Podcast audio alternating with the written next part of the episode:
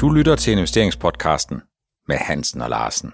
Stedet, hvor de private investorer uge efter uge bliver opdateret på investeringstendenser i øjenhøjde. Velkommen til afsnit 44 af investeringspodcasten med Hansen og Larsen. Grønt er blevet big business, og det er noget af det, som vi blandt andet skal snakke om i dag. Og sidst i udsendelsen, der kommer vi lidt ind på, hvad det er, der er i vente, når Tesla øh, i næste uge bliver indlemmet i S&P 500. Grøn omstilling, Helge, det er blevet virkelig, virkelig big business. Jeg vil tillade mig at sige, at der er sket mere for den grønne omstilling i 2020, end der er sket i 10 øh, forudgående år til sammen. Er du enig eller uenig? Jeg er fuldstændig enig. Jeg har jo selv været en af de der frontløbere der, first movers i den her sektor, og øh, fra siden 14 og 15, men jeg synes altså, at der er sket mere i år, mm. end der er sket i de forudgående seks år for mange af mine aktier i den boldgade. Hvis alle arbejder på det samme, hvis forbrugerne, hvis virksomhederne og investorerne, de spiller sammen, ja, så synes jeg, at det er det, vi har set, øh, en smuk symbiose, vi har set i 2020. Og grønt og grøn omstilling er jo blevet big business, og det, som jeg i hvert fald vil tillade mig at konkludere, det er, at den store forskel til tidligere, jamen det er jo, at de penge, som investorerne på et eller andet tidspunkt regnede med over tid, kunne komme til at generere nogle grønne afkast, jamen det er jo lige pludselig blevet i 2020, og derfor så snakker man ikke længere om, hvor meget den sorte samvittighed kommer til at koste, når vi skal til at tænke os om på en anden måde. Men man snakker faktisk om, at man kan tjene penge øh, på grøn omstilling. Det tror jeg, der er noget af det, der får den grønne omstilling øh, givet den et ekstra boost. Ja, men vi ved godt, at vi kan tjene penge på det her, men det er jo ikke alle de virksomheder, der er i den her øh, branche eller det her segment, som kommer til at tjene penge. Det er måske øh, 20, altså der kommer et udskillelsesløb, og så kommer der 10-20 procent tilbage, som øh, kan blive vinderne på sigt. Mm.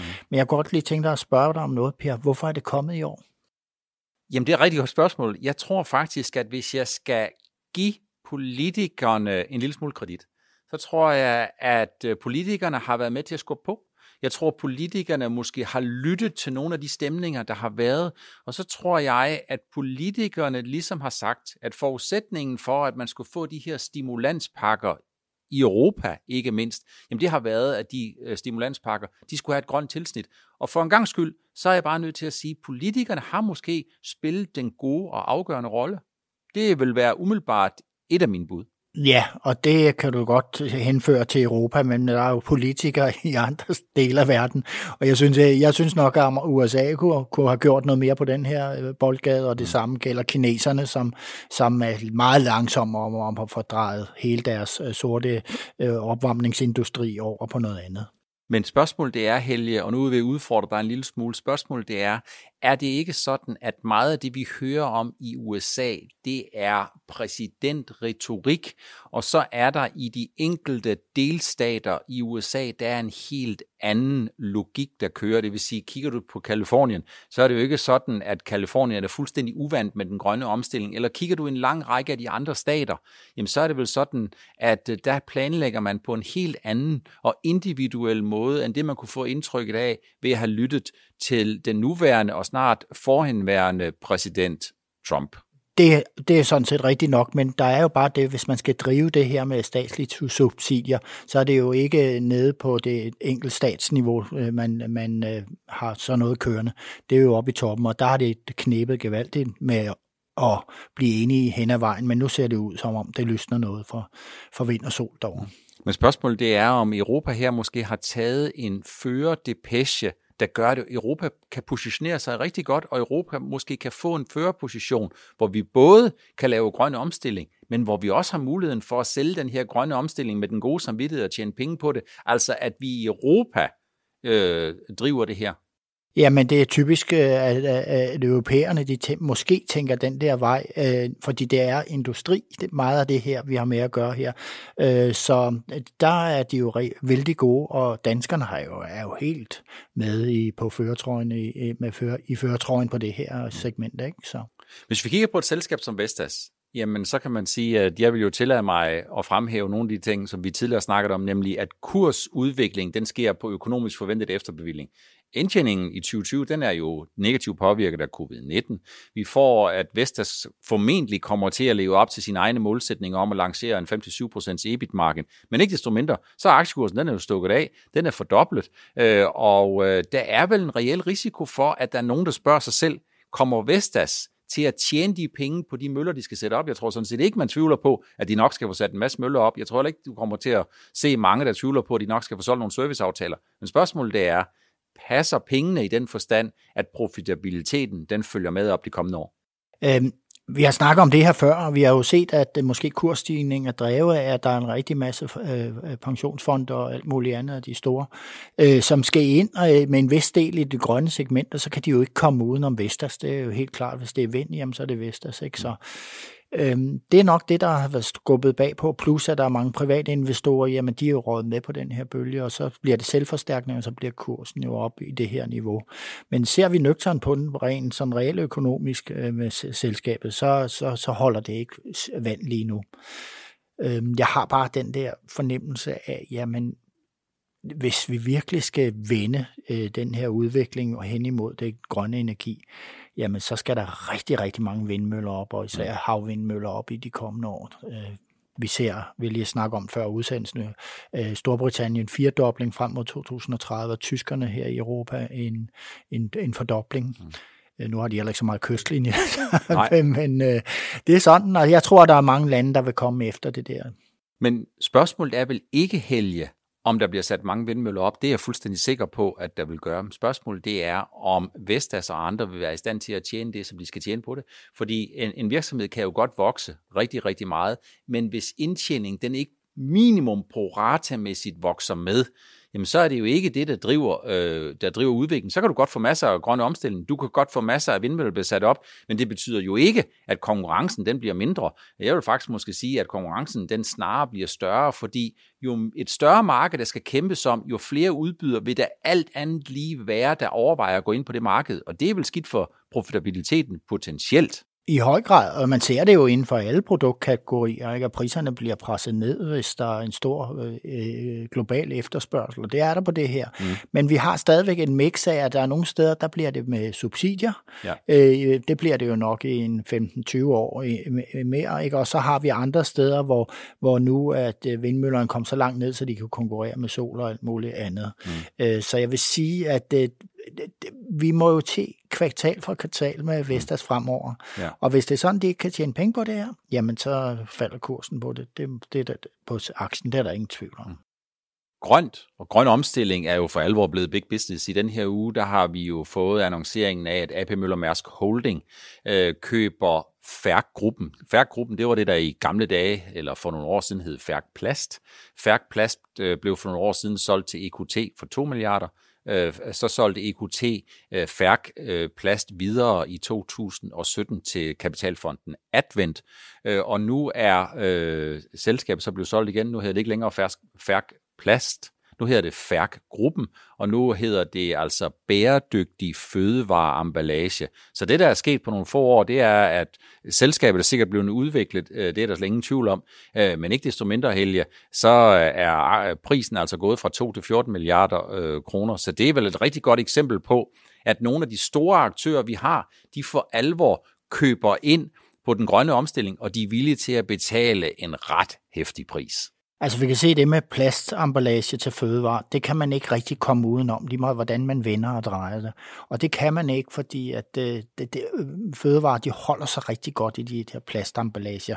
Mm. Hvis skulle vi pakke dem ind i aviser, som de gør med chips og, og fish og i England, det duer bare ikke, vel? Nej. Så det er et område, som det kommer vi simpelthen ikke udenom. Mm. Og øh, man kan se, at Hartmann, de har jo så lykkes med deres æggebakker at gå over i noget andet i papemballage i stedet for plast, men, men det kan man ikke for, for kødvarer og alt muligt andet. Nej. Så det, det, der er fremtiden et blivende marked for det her, men mm. med hensyn til prisen, mm. den er jo svær at vurdere, altså den er jo øh, syvdoblet eller sådan noget siden. Ja. Hvornår var det så? Jamen det er jo, øh, øh, så vidt jeg husker, så var det i 2014, at EQT de købte, og så solgte de videre i 2017, og nu er vi så 2020, hvor vi står med en øh, pris, som er, som er syvdoblet. Der er ingen tvivl om, der er sket rigtig mange gode ting.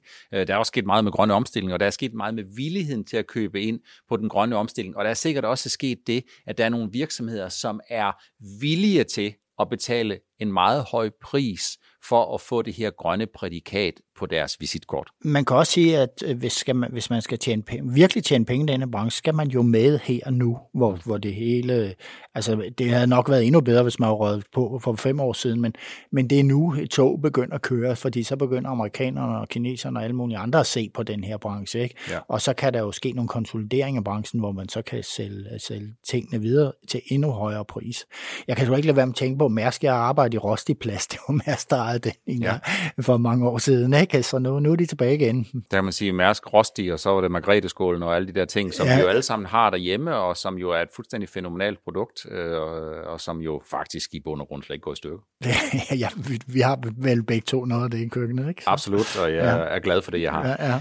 2021 helge, tror du, den grønne omstilling, den kører videre i samme hastighed? Tror du, at investorerne vil være interesseret i og villige til fortsat i bred forstand at komme flere penge ind øh, i øh, de grønne aktier og i de grønne fonde, fordi de ligesom siger, at det her det er ligesom en surfer, som ikke står på toppen af en bølge, men som bare lige har taget sin våddragt på og er på vej ud og forestiller sig, hvordan den her bølge den bliver rar at surfe på. Når jeg ser, hvad der børsnoteres rundt omkring i hele verden, øh, for eksempel hvis vi går til Norge, det er jo helt vildt, det vælter ind med, mm. der står bæredygtigt grønt på det hele, ikke? Ja. Øh, og det, den, den tendens tror jeg fortsætter. Men så kommer der jeg vil ønske, at vi får et knæk eller et mm. bræk. Eller et, øh, altså, der virkelig får, at man, man får nogle slag over næsen på det her, mm. sådan så man bliver mere grundig som investor for at kigge, kigge øh, virksomhederne i kortene. Fordi det er ikke alle, der kan vinde det her. Og det er ikke alle, der er grønt, selvom de proklamerer, det er grønt. Nej. Øh, så øh, der udskillelseløb kommer, men jeg tror altså virkelig, der bliver sendt mange penge den her vej. Mm. Øh, og, og, og det bliver jo både af, af pensionsfonder og alt muligt andet, som, som, som har fået et moralsk kodex om, at de skal investere i det her. Ikke? Udover covid-19, som jo har domineret markederne på den øh, ufede måde i 2020, jamen, og udover den grønne omstilling, så er der også alt det der ESG, altså bæredygtigt, vi skal opføre os ordentligt og alle de der ting. Ja. Tror du, investorerne et stykke hen ad vejen måske har blandet de der ting lidt sammen, sådan som man siger, ESG og grønt er godt sammen. ESG alene er grønt, øh, og grønt, eller ESG alene er godt, og grønt det er godt, som man ligesom siger, bare der enten er ESG eller grønt, så køber vi ind uden skyldig hensyntagen til, øh, hvor grønt eller hvor ESG-agtigt det nu end er. Jamen fuldstændig, det bliver blandet sammen i en stor øh, suppegryde der. det er altså de, de færreste, der ligesom kan skille tingene ad. Og øh, ja, det er mange år siden, jeg kan huske, der har været så en hype og så store stigninger i, en, en nynoteret aktie, som, som der er sket det her i, i år. Det er jo helt vildt og voldsomt. Tror du, der kommer en, en, en række øh, nynoteringer også i Danmark af de grønne aktier i 2021? Nu fanger jeg dig lidt på det uforberedte ben. Nå, men det ved jeg det godt. Det ved du da godt. Ja, altså det, det, det, det jeg har hørt det, øh, på vandrørene, det er nogen, der arbejder inden for, for den her slags ting. Men, men nu er, kan du sige, segmentet så stort, at du kan putte næsten hvad som helst ind. Ikke? Som, ja. Det er i hvert fald min konklusion, men der kommer nok en del af det her. Så det er en god idé også i 2021 at holde godt øje med den grønne varedeklaration og ligesom prøve at efterprøve DNA'et, om man ikke kun er, øh, siger man er grøn, men om man også i praksis vil være meget grøn. Ja, og så skal vi gøre den der gyldne regel. Altså prøv lige at kigge på de her selskabers produkter. Er det noget, som du dybest inden i dig selv vil sige, det her er noget, der er rigtig meget brug for, mm. og det er noget, forbrugerne vil købe ind på, og det vil de også i fremtiden, fordi der er altså nogle vildskud undervejs, som, som ikke får succes. Vi er godt i gang med afsnit 44 af investeringspodcasten med Hans og Larsen. Husk, vi fortsat rigtig gerne vil have dine gode bidrag og spørgsmål, og adressen er stadigvæk investeringspodcasten snabel af nordnet.dk. Vi fortsætter en lille smule i den grønne retning, i den grønne bølge øh, i næste uge, Helge. Jeg ved udmærket godt, vi har diskuteret det rigtig meget, men der er fortsat rigtig, rigtig stor interesse omkring Tesla. Der sker noget i Tesla i næste uge, den 21. i 12. På mandag, der bliver den endelig enrulleret i S&P 500. Hvad kommer der så til at ske? Ja, jeg tror faktisk, den stiger, men det er sådan mit gæt, fordi at, uh, så får den et kvalitetsstempel, mm. som man er gået at vente på, og så, så tror jeg godt, der kommer noget stigning på det. Uh, men uh, vi kniver os i armen 600 procent op i år. Jeg, mm. synes, det, jeg synes, det er ganske voldsomt, og uh, nu har jeg lavet sådan en elbilschat på ProInvestor, og der bliver, ligger folk alt muligt. Vi har også en Tesla chat. Der er mere gang Tesla end elbiler. Men når jeg kigger på elbilerne, mm. jamen så ser man lige pludselig en Ford Mustang elbil køre langt længere, end man regnede med, og sådan noget. Ikke? At der bliver, der, jeg kan se, udviklingen er enormt stor. Mm. Og Tesla, de har, deres værdi er jo lige så stor som alle de største fabrikker i verden til sammen. Ja. Øh, og jeg kan jo se, at øh, alle de andre fabrikker, de kommer nu. Mm. Så er det spørgsmål, hvor god deres batteriteknologi er, fordi det er jo når Teslas øh, meget, meget stærke område. Men jeg kan jo godt frygte for den der konkurrence, den kan give nogle knæk til Teslas mm. kurs i, i det kommende år. 600% afkast, en faktor 6x, øh, 600 milliarder US dollar øh, i markedsværdi. Øh, du tror ikke, øh, at der kan være tale om, eller du tror ikke i overvejende grad, der kan være tale om, at det, som har drevet aktiekursen de seneste uger, det har været aktiehamstring, hvor der er nogen, der ligesom tænker, vi skal med, inden den kommer med i et indeks. Det vil sige, vi skal med, inden den store gruppe af investorer, som investerer passivt, er tvunget til at investere i Tesla. Netop, det er jo lige den, den, den der lille krølle på halen der, som rigtig mange er, er gået ind på, øh, fordi at øh, nu skal der købes op i den. Øh, hvordan det foregår, jeg kan ikke, har vi nogle forhistorier på det her, hvordan, hvad, hvad sker der med kursen i et selskab, der ryger fra det ene indeks til det store? Ja, man kan sige, at for, for mig at se, jamen så er kausaliteten, det er ikke, at et selskab stiger meget, når det kommer ind i indekset, men kausaliteten, det er, at et selskab kommer ind i et indeks, og et selskab klar, når et selskab klarer sig godt. Så man kan sige, at Tesla har klaret sig fuldstændig fantastisk, i hvert fald på, øh, på, som børsnoteret selskab. Det er jo ikke sådan, at Tesla de vader i de penge, de har tjent. Hvis man prøver at skralde nogle af de der grants af, som Tesla de får for at, at producere elbiler, jamen så har 2020 jo ikke været noget jubelår, men Tesla har jo på bundlinjen tjent nogle penge, og det er måske noget af det, som øh, investorerne har lavet sig en lille smule forblænde af, når man har sat det lange, øh, eller det korte lys på, kan man sige. Øh, så jeg, jeg tror, at der er et meget stort omfang at tale om, at der er nogen, der tror, øh, mange private investorer, der tror, at når først Tesla kommer ind, det er først der, de passive forvaltere i meget stort omfang, de tager bestik af situationen. Og det tror jeg sådan set et stykke hen ad vejen er rigtigt. Jeg tror bare, at det, der har drevet Tesla, det er hen, hvor de er i dag.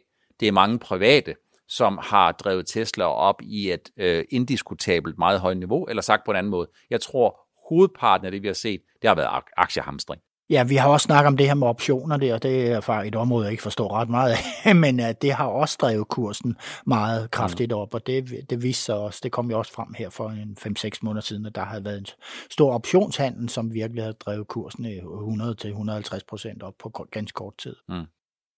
Tesla meddelte jo i sidste uge, at de fra tid til anden der vil de sælge op til 5 milliarder US dollar øh, nye aktier. Det svarer til, det er 5 milliarder dollar, det er et relativt stort beløb, men når man prøver at sammenligne det med en markedsværdi på Tesla på 600 milliarder dollar, jamen så udgør det fem, øh, øh nær sagt, i underkanten af 1% af den markedsværdi, der er i Tesla. Det er vel egentlig bare en fremragende idé. Hvis det var mig, der var Elon Musk, så vil jeg da egentlig sælge mange flere aktier.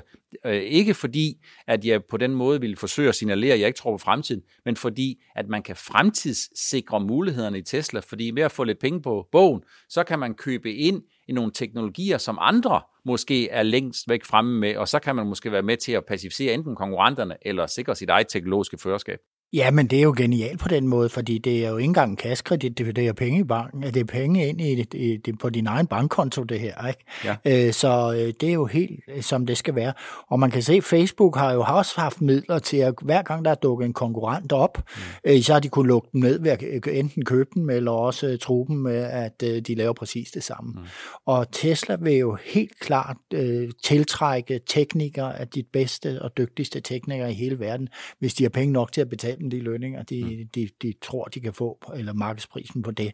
Så det er den ene ting, men den anden ting er, at de kan købe og de kan råbe op og stå op af teknologi rundt omkring, der mm. lige sådan piper op. Ja. Og hvis noget af det teknologi, de køber, ikke virker, så smider de bare ud. Ja. Så kigger de om, og, om sig om efter noget andet. Mm. Man kan sige, at de har fået en fuldstændig fantastisk, fænomenal valuta, som de kan betale med, nemlig egne aktier, og de kan sælge lidt aktier, markedet synes umætteligt, og så længe det er sådan, og investorerne er villige til at købe ind i på stort set hvad som helst, øh, til en hvilken som helst kurs, jamen så styrer man jo sådan set verden, og Tesla har vel den helt store og afgørende forskel, at de ikke i konkurrencemyndighedernes øjne har nogen dominerende position, som de udnytter.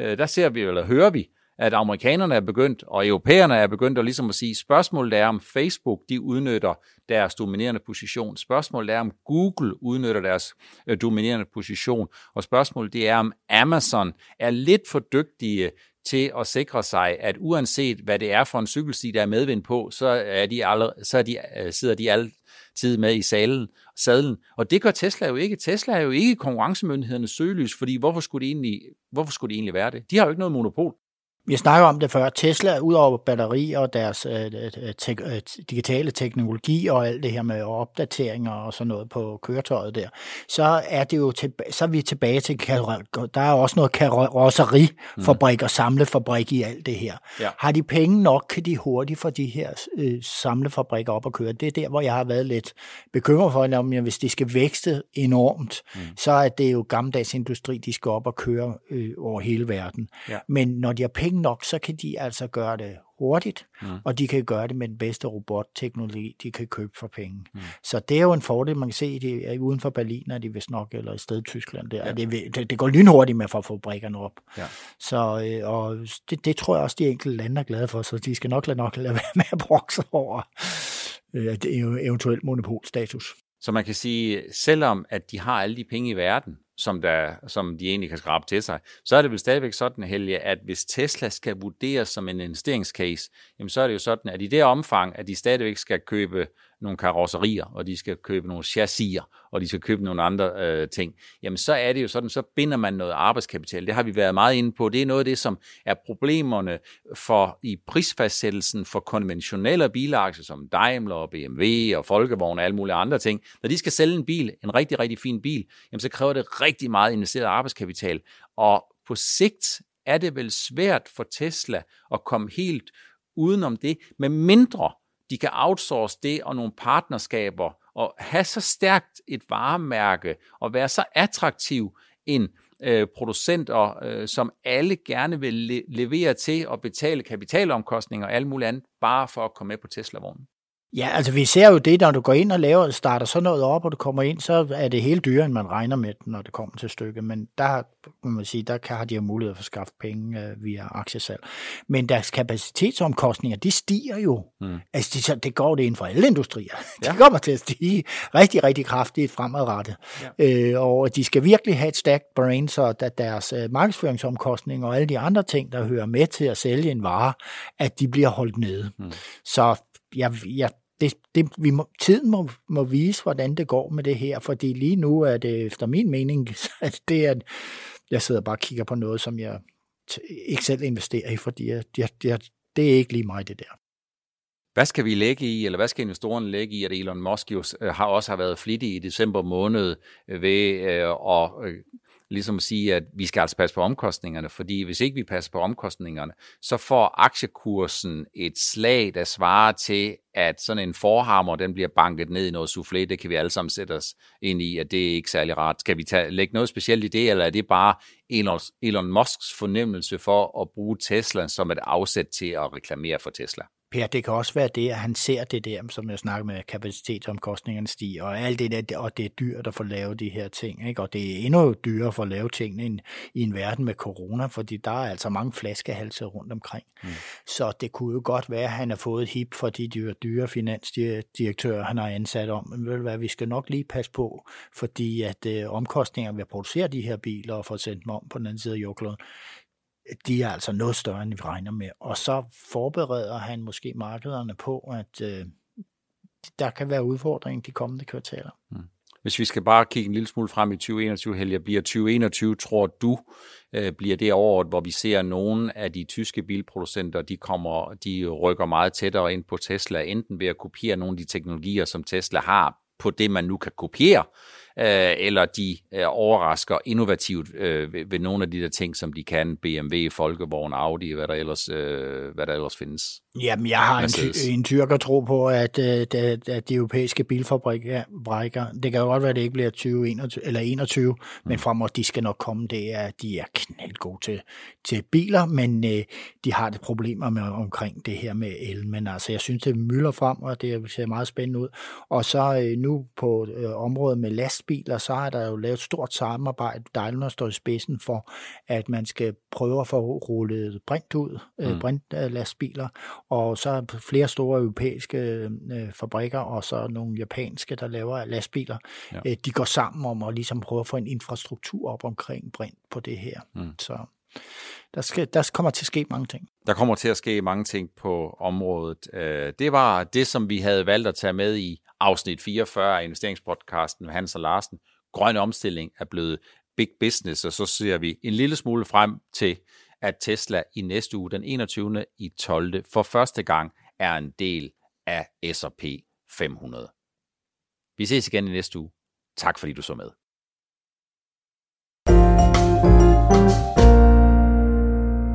Du lyttede til investeringspodcasten med Hansen og Larsen. Vi ses igen i næste uge.